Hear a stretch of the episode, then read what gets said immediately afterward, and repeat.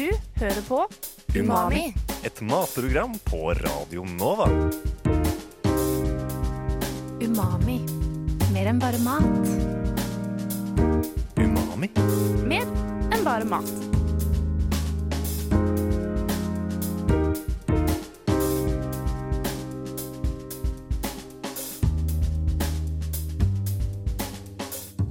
Umami. Mer enn bare mat. Denne episoden av Umami er for deg som har lyst til å vite litt mer om birøkting og hvordan man lager honning. Og Sigrid, honning er som deg naturlig søt og dyr i drift. Har du det bra? Ja, god dag, god dag. Takk for det. Det var jo veldig hyggelig. Ja, Det går bra med meg. Går det bra med deg? Det går bra. Vi skal jo snakke om birøkting eh, i dag. Har du prøvd birøkting Jeg har aldri prøvd birøkting. Aldri. Ikke jeg heller. Men en som har gjort det, er eh, Agnes Due, som er leder av Oslo Met birøkterlag. Hallo, hallo. Hei, hei, hei. Tusen takk for at du hadde lyst til å komme hit i dag og snakke med oss om byrøkting. birøkting. Sånn helt enkelt, hvordan begynte du med birøkting, siden du er eksperten her i dag? Vel, på Oslo Met så er det noe som heter Dagsavisa. Og der var det et oppslag en gang om sånn har du lyst til å lære mer om byrøkting? birøkting. Så kom på stiftelsesmøte for Birøkterforeningen. Jeg kunne ikke så veldig mye om birøkting. Og så møtte jeg opp, og jeg er en sånn person som eh, å ta på meg litt mer ansvar enn det jeg egentlig hadde planlagt. Og så var det ingen eh, som, møtte, som meldte seg til eh, styreleder, så da tenkte jeg kan jeg kanskje rekke opp hånda og være skikkelig involvert. Og så ble jeg styreleder. Kult, kult. Umami. Eh, Og hvor er det dere Hvor er det røkter disse Sier man Det- røkter bier? Eh, Man sier røke honning? Eller hva, hva sier man? jeg vet ikke, altså Hvor, hvor gjør dere Vel, prosessen? bi- Bikubene de eh, står oppe på taket på P52. Okay, Ok, på taket til Oslo Met. Yes, på Ah. P52 på Oslo Met. Og eh, det er jo eh, adressen til foreningen også. P52, Pilsredet 52. Og der er det seks bikuber som står oppå. På taket? De skal være fullverdige, men eh, eh, om vinteren så hender det at noen av de dør. Det skjedde vinteren eh, nå. Så var det tre av de som døde. Men da skal det bli introdusert tre nye kolonier. Men hvordan begynte dette med at liksom, plutselig var det noen som sa la oss sette opp noen bikuber på taket på Oslo Met? Ja, det var et initiativ som ble gjort i bærekraftsuka 20... 20 var det vel? Ja. Ja, for da hadde det stått i ca. ett og et halvt år da vi stiftet foreningen i november 2021. Så da visste de at det gikk an, og så var det noen som foreslo em, i 2021 at eh, det hadde vært kult å ha en forening rundt det. Og så ble det satt litt sånn i verks med å kanskje stifte en forening av eh, foreningsansvarlige på Oslo Meta. Spennende. Du hører på Umami på Radio Nova. Sigrid, du eh, har jo masse spørsmål om mm. bier, eh, som selvfølgelig er kjernen i birøkting. Ja. Eh, bring it on til Ja. vår ekspert Jeg, har, jeg kan jo ingenting om dette. Så jeg, jeg har gjort meg opp noen sånne dummy-spørsmål eh, for oss som ikke kan noe om det. Hvor får dere tak i bien? De biene hvert fall som, som vi har, de er det en som heter eh, Alexander Duritz som har tatt med seg. Han avler opp bier. Han er en urban birøkter, så han er profesjonell. Han, det er det han lever av. Så han jobber for Oslo mitt og avlet frem eh, dronninger som da får sine egne kolonier, og satte de inn i de bikubene. Ja. Så du må jo få det fra allerede eksisterende bier, og så, eh, så lager du en ny koloni. ja.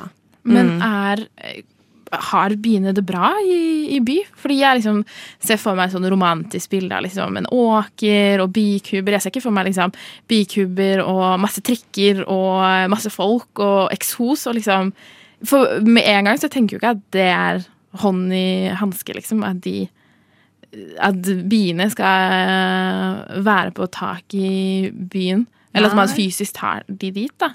Nei, altså Det er jo ulike typer biesorter. Det er veldig mange ulike arter. Um, og vi har Det har blitt avlet frem arter som egner seg bedre til ikke nødvendigvis urbane områder, men de kassene som biene oppholder seg i. Og der er det veldig liten forskjell på de som er urbant, og de som står eh, på en åker. For det er teknisk sett samme type kube, Ja. så vidt jeg vet. da. Det er jo selvfølgelig stor forskjell på de villbiene som fortsatt finnes, og de som er eh, såkalte tamme bier. Fordi at eh, de som er ville, de, eh, de er ikke så høye på liksom, honningproduksjon, sånn som Nei. de vi har avlet frem til å produsere mye honning, og egner seg godt til å være i nær kontakt med mennesker. ja. De biene dere har eh, på taket til Oslo Met, flyr de rundt i hele Oslo? De flyr ikke sånn veldig langt. Nå husker ikke jeg nøyaktig hva radiusen på den flyvningen er, men de flyr noe sånn to kilometer eller én kilometer rundt eller noe sånt. Ok, Så de er i Slottsparken, typ. Ja, kanskje ikke så langt. En kilometer, kanskje. Men eh, de holder seg veldig nære kuben, helst. Ja. Og eh, de som er der, de har mange bievennlige planter i nærheten. Oslo Met arbeider jo for å plante bievennlige planter også pga. Eh, bikubene som er på taket der. Så de holder seg ganske nært, for da vet de at de har gode matkilder. Og biene besøker som regel de samme matkildene år etter år når de vet at det er pålitelig kilde. Så da går det ikke så veldig langt. Så de holder seg nærme. Men du sier år etter år. Hvor, hvor gammel blir den? Hvor lenge lever en bie? Ja, en bie lever ikke så lenge. Em, en bie, altså en vanlig bie, lever jo kanskje vet ikke, et halvt år eller ett år. Em, det her er sånn som vi kanskje lærte på introduksjonskurset, Ja, ja. som har gått litt i glemmeboka mi. Eh, men en bie er jo mulig å, ut, å bytte ut. Ja. Så det, en koloni er jo Altså, de bytter ut alle individene eh, mange ganger.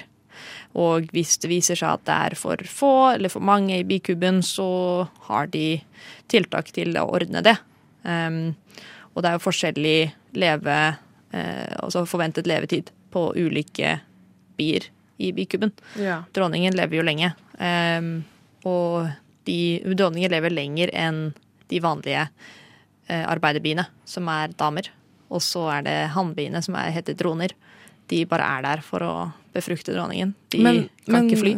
Men hva er egentlig ei dronningbie? Sånn, hvordan, blir hun, hvordan blir hun valgt ut? Det er jo ikke noe demokrati i bieverdenen. Nei, de blir produsert. Så se at du har en allerede eksisterende eh, bikoloni, da, eller bikube, og så skal du lage en ny dronning. Så kan du ta en del av den eh, kolonien og sette det i et isolert sted. Eh, sånn at de ikke kommer i kontakt med den andre kolonien lenger. Så tenker de oi, vi har ikke noen dronning. Og så eh, legger de da et altså et egg, og så mater de den lille larven veldig mye. Oh ja, det Og så stor. da blir den til en dronning. Det, altså, en, eh, du, I prinsippet da, så kan en hvilken som helst eh, hunnbie bli en dronning hvis den bare blir stappa full med mat. Men eh, det, skjer, det skjer jo veldig veldig, veldig sjeldent til aldri at det eksisterer to hunnbier altså, som er dronninger i den samme kolonien. For da, da funker det ikke så godt. Nei, da blir det clash. Yes. Um, har dere noen gang blitt stukket av de biene? Vi har ikke vært i så mye kontakt med de biene, fordi eh, vi har ikke tilgang til det taket. Oh, ja. Ja, Vi må være der med eh, han birøkteren, Alexander. Han har tilgang til taket, og han har ansvar for å ta vare på biene. Så vi var der da det var kaldt, og da var det jo i dvale. Så da ble vi ikke stukket. Og så har vi vært der en gang eh, etterpå for å sette tilbake en sånn bietavle som vi lånte til introduksjonskurset. Med, da var det bier inni, da. Så det gir en liten forsegling, eh, sånn glassforsegling, så man kan se på de. Eh, så vi har ikke blitt stukket. Nei. Men det er folk som har blitt stukket der oppe, selvfølgelig. Oh, ja. Av de som er der. Ja. Altså de som eh, holder på med biene ofte. Som ikke kanskje vet hva de gjør, eller at biene ble litt Aggressive. opphisset eller noe sånt. Ja. Så kan man bli stukket. Og det må man jo nesten forvente. Du hører på Umami på Radio Nova. Kan ikke du ta oss gjennom liksom, den kronologiske fasen av liksom, hvordan man går fra å ha mange, mange bier til å ha masse, masse honning? Ja, altså det er, Det er et stort spørsmål.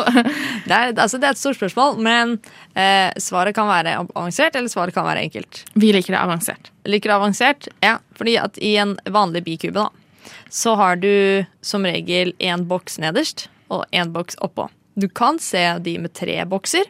Eh, det er hvis du får veldig mye honning. Den nederste boksen, der er dronningen. Og der legger hun alle eggene sine. Og oppå den boksen så legger de et nett, altså liksom et gitter, hvor eh, gitteret er eh, lite nok til at hunnbiene, altså arbeiderbiene, kan komme til boksen over, men dronningen er for stor.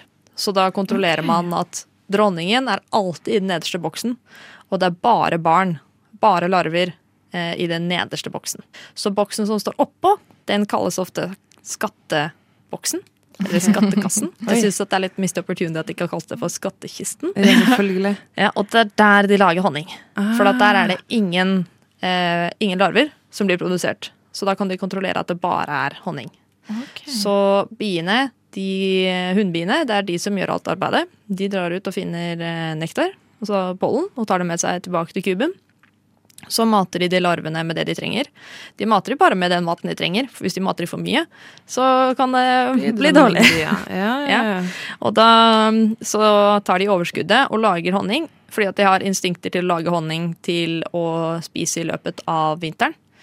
Ehm, Det som er i Norge, er at vi har det så kaldt om vinteren, og den eh, honningen som de produserer, det er ikke så bra for de å spise det eh, i vinterhalvåret, fordi at de, eh, de fordøyer det veldig fort, og de kan ikke i løpet av vinteren ha noe som helst type for, form for avføring, fordi at da er det inni kuben, og det, da blir det veldig dårlig bakteriemiljø. Eh, så de lager mye honning, men fordi at det ikke er bra for de å spise om hviteren, vinteren, så, og fordi at vi vil ha honningen, så tar vi den skattekassen når det blir eh, høst. Og før, før det da, så skal man jo sjekke at det ikke er noen bier inni den skattekassen. Så setter man på en sånn liten eh, luke mellom de to kassene. For det er en sånn regel inni, inni bikuben at alle biene må ned og hilse på dronningen en gang i løpet av 24 timer. Hæ? Mm. Det er bare instinktivt. Sånn, de må det, liksom. Sånn, hvis ikke, så bare går det ikke. Bare sånn Ja. pay the respects. Ja, Um, og det handler mye om sånn feromoner og luft, duftstoffer og alt det der med sånn hive mind. Eh, at eh, det er feromoner er veldig viktig, da. Så da Hva er feromoner? Feromoner er sånne luktstoffer som biene og all, veldig mange insekter og mennesker og dyr eh, har, som vi skiller ut. Det er veldig mye basert på hormoner. Og det er sånn de kommuniserer. Mm. Også med er Det kan vi komme til etterpå, kanskje. Men det er jo den viktigste måten de kommuniserer på. Og da så i, eh, om høsten så putter de en sånn enveisluke. Så biene kan gå ned i kuben, men de kan ikke gå opp. Oi. Og det er bare én inngang til kuben, og den er helt nederst. Så en hunnbie liksom flyr inn, går opp i kuben, setter fra seg honningen hvis hun har noe, eller som nektar, og så går hun ned igjen for å hilse på dronningen, og så kommer de ikke opp. Så da setter man bare på den lille luken, så lar man stå i 24 timer, og så er det garantert ingen bier i den luken, i den skatteboksen da, som står oppå. Og da kan du trygt ta den vekk og eh, ta honningen. Men er den da eh, veldig tung, denne boksen? Er den, eller er Den er liksom ganske tung. Ja. Det kommer litt an på hvor mye honning som er inni. Um, I fjor så tror jeg vi fikk seks kilo. Nei, det var vel mer. 60 kilo? Oi. Ja, det var mye. Men er Men vi hadde seks bikubler. Så det er sånn ti kilo i hver. Så ja. det ble ganske mye. Men disse Ok, nå skal jeg prøve å forklare dette eh, så godt eh, jeg lar seg gjøre. Disse på en måte smale eh, Jeg tror det er et tre, jeg vet ikke om det er et tre. Liksom disse smale som liksom honningen er på, som ofte blir satt ned mange Ja. Der honningen Altså Ja, det heter en eh, tavle. En tavle. Tavle. Ja. Ja. Er det liksom Hører biene noen bier til hver sin tavle, eller liksom Nei. Er alle liksom Hele alle, alle, alle biene hører liksom til alt. Ja. Eh, Hunnbiene er liksom de som arbeider. Og der har man Du har jo noen sånne hierarkiske ting hvor det er noen som har disse oppgavene, noen har disse oppgavene. Eh, så de som er ute og sanker honning og sånn, det er nok de som er mest i kontakt med Eller som sanker nektar som blir til honning. Det er nok de som er mest i kontakt med de tavlene som er i den boks nummer to. Og de som har ansvar for å passe på dronningen og sånn, de er ikke så mye ute. De er mest hos eh, dronningen og passer på dronningen. Um, men de tavlene, det er jo der den honningen er. Så når man tar av den skatteboksen på, eh, på vinteren, så er, eh, så er det sånne sekskantede figurer. Sånn Mm. karakteristisk i voks, og så er det masse honning inni der. Og Fordi den voksen er hard? Eller er den den er hard. Ja. Du kan smelte den, da blir den myk. Eh, men den er hard, og da, eh, når du slynger den, så må du passe på at, eh, at man ikke gjør det for hardt, for da ødelegger du voksen. da. Hva betyr det å slynge? Eh, hvis du slynger, så har du en Det er teknisk sett en sentrifugering. Ja. Så du setter tavlene inni liksom sånn trekantform, og så snurrer du på den boksen, sånn at honningen blir slynget i liksom, eh, hermetegn Ja. ut av de kamrene. Og så må du bare være forsiktig og ikke ødelegge voksen. Og så setter man eh, tavlene tilbake igjen, så de kan brukes til neste år. Så man ser på tavlene hvis de har blitt brukt veldig lenge, så blir de mørke. Da blir de ja. skikkelig mørk farge på. Og de som er nede der hvor det er eh, barn, der som det er larver, de blir fortere mørke. ja. Ja. Og så kan man smelte om voksen igjen og bruke det senere til en ny tavle. OK, For det... det-. Ja. Ok, Så voksen er en del av tavlen, eller er voksen noe som kommer fra Ja. biene? Vi, når vi setter inn nye tavler, da Si at du har hatt en tavle, og så har den vært brukt lenge, sånn fem år, liksom. Så kan det hende at du må bytte den ut. Og da smelter man om voksen og raffinerer den litt, sånn at den blir eh, ren og pen. Eh, For det er bare sånn, Grunnen til at den blir mørk, er sånn Det er ikke sånn nødvendigvis honningrester, eller sånn, det er mer sånn eh, partikler og, og sånt som blir igjen etter larver og sånt. Um, og da kan du bare filtrere det ut, og så uh, liksom så støper du uh, en veldig, veldig tynn plate med voks, og så setter du det inn i tavlen. Og inni tavlen så er det sånne tynne, tynne, tynne ståltråder som går på tvers. Så legger du da den eh, voksplaten oppå, og så fører du litt strøm gjennom ståltrådene, så de blir varme. Og så smelter den tynne, tynne voksplaten fast, sånn at det er litt ekstra støtte til at eh, voks, eh, voksen holder seg på plass. Og så former biene det bare til sånne sekskanter. Radio Nova. Eh, Men når jeg tenker på um, altså birøkting, som du sa, disse sekskantede um, formene liksom, Ja, den voksne. Ja. Men når du tar den opp, eh, så har jeg en sånn romantisk bilde av at liksom honningen bare liksom flyter, og så har man den derre sånn honningskjeen Ja, sånn, ja, Alle disse reklamene, liksom. Er det, er det så romantisk prosess å ta av honningen? Mm, altså, når den er full av honning, Ja. så er det sånn at det, da kan det være veldig mye honning på. Sånn at det, sånn man ser på film, da, hvor de tar ut en sånn tavle, og så skraper de. De bruker en sånn skrape, og så liksom dytter de av honning. Du kan få den effekten. Det kommer litt an på hvor mye honning de lager. Eh, Da må det være sånn at kamrene er fulle, sånn at det liksom er overflødig honning. Da kan du få den effekten. Så du, ja, du kan nok få sånn superromantisk følelse eh, ved å gjøre det, men eh, da, det er ikke alltid. Hva gjør dere med honningen etter dere har høsta den? Eh, det, det vi gjorde med den honningen som var nå, solgte vi en god del. Men Må du dere kan rense den før dere selger den, eller er det rett i Eh, vi slynget ikke den honningen som var fra i fjor, Nei. så vi har ikke hatt slynging ennå. Så nøyaktig prosess innenfor eh, det eh, er ikke jeg kjempeekspert på. Men etter du slynger den, så må du ta en type raffineringsprosess. Men du vil jo gjerne du vil gjerne beholde så ren honning som mulig. Fordi at hvis du Du kan ikke pasteurisere den, f.eks. Det vil si ha varmen de opp. For mm. da ødelegger du de mikrobiologiske eh, godene du får av rå honning. Honning er en av de få tingene som ikke blir dårlig. Ja. Så det er jo det er veldig logisk at det er ikke så mye man skal gjøre med de. Og Nei. det er eh, teknisk sett trygt å bare spise det rett fra kuben. Ja, det er jo, honning er jo en av, eh, sånn som salt, at det er antiseptisk i- alene. Ja. Smaker all honning det samme? Nei. Oslo Met sin honning, det er en sånn der tradisjonell Eller tradisjonell, sier jeg. Klassisk, mener jeg. Eh, blomsterhonning. Og det vil si at det er ikke eh, det er ikke spesielle blomster som har blitt brukt til å produsere honningen. Så det er det som man ofte kaller for sommerhonning, eller bare blomsterhonning. Og den har sånn veldig sterk smak. Som er sånn nesten sånn kryddersmak. Som du smaker på den, så er det sånn wow! Så de smaker veldig godt, men de smaker også veldig mye. Så sånn type honning er nok fint å ha i, i, i mat og sånn. Um, min favoritt er ikke blomsterhonning, tror jeg. Jeg er litt sånn uh, basic uh, bitch, så jeg liker uh, ekte honning fra Honningsentralen. Men eh, hvis jeg virkelig liksom skal ha Lyngehonning er jo kjempegodt. godt. Bringebærhonning er også veldig godt.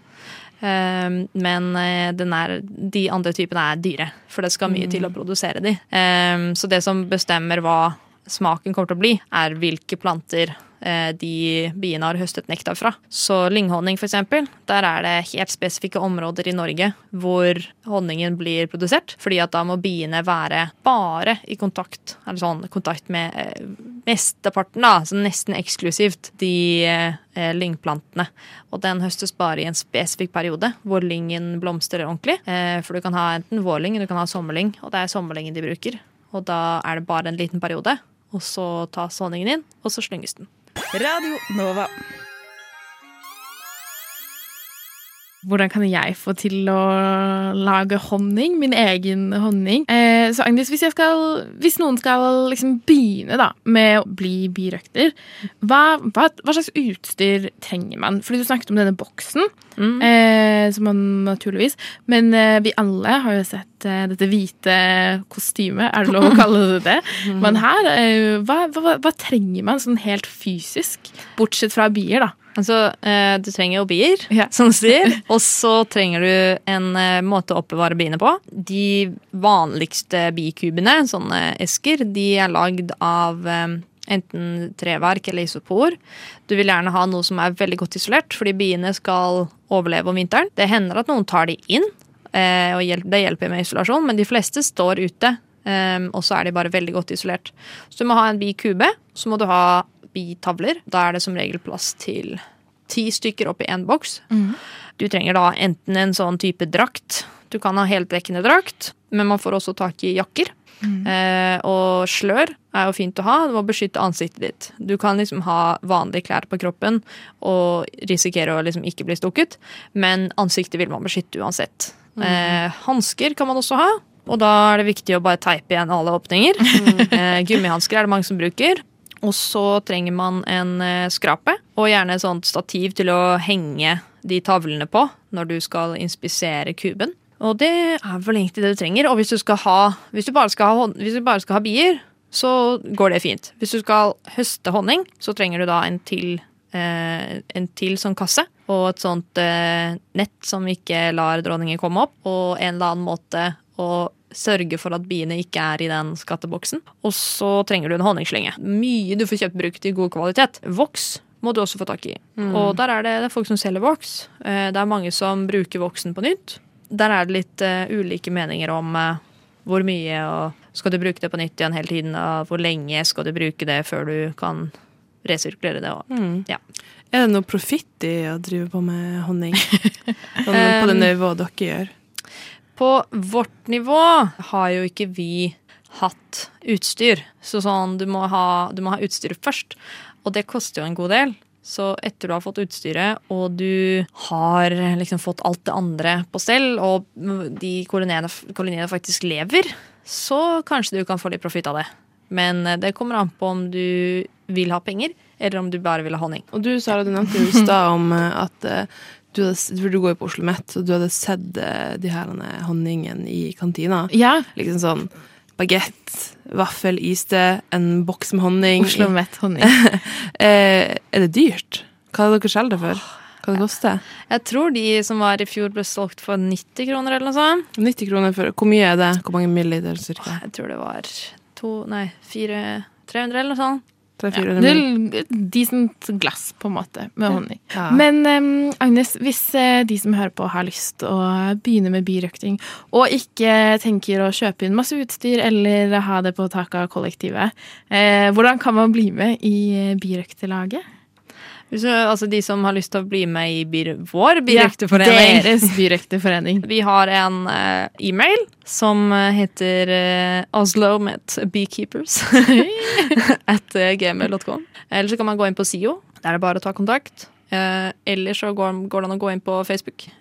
Hensikten med foreninger er jo hovedsakelig å spre interesse og bli med hvis man har lyst til å bli med. Som regel så er det gratis mat. Ja, Da får man med seg mat. Jeg syns i hvert fall det høres eh, superinteressant ut, og jeg har lært masse om eh, birøkting eh, nå. Sigrid, har du expand? Jeg er helt uh, proppa full med birøkting og kunnskap og de honning. Og nå fikk jeg jækla lyst på honning Vi får gå og kjøpe honning etterpå. på Oslo Met. Agnes, tusen, tusen takk for at du ville komme og snakke om eh, birøkting eh, med oss, og være vår ekspert. Ja, takk for at eh, jeg fikk komme. ja, og du kan høre flere Umami-podkaster om både mat og drikke i din foretrukne podkastapp. Du hører på Radio Nova.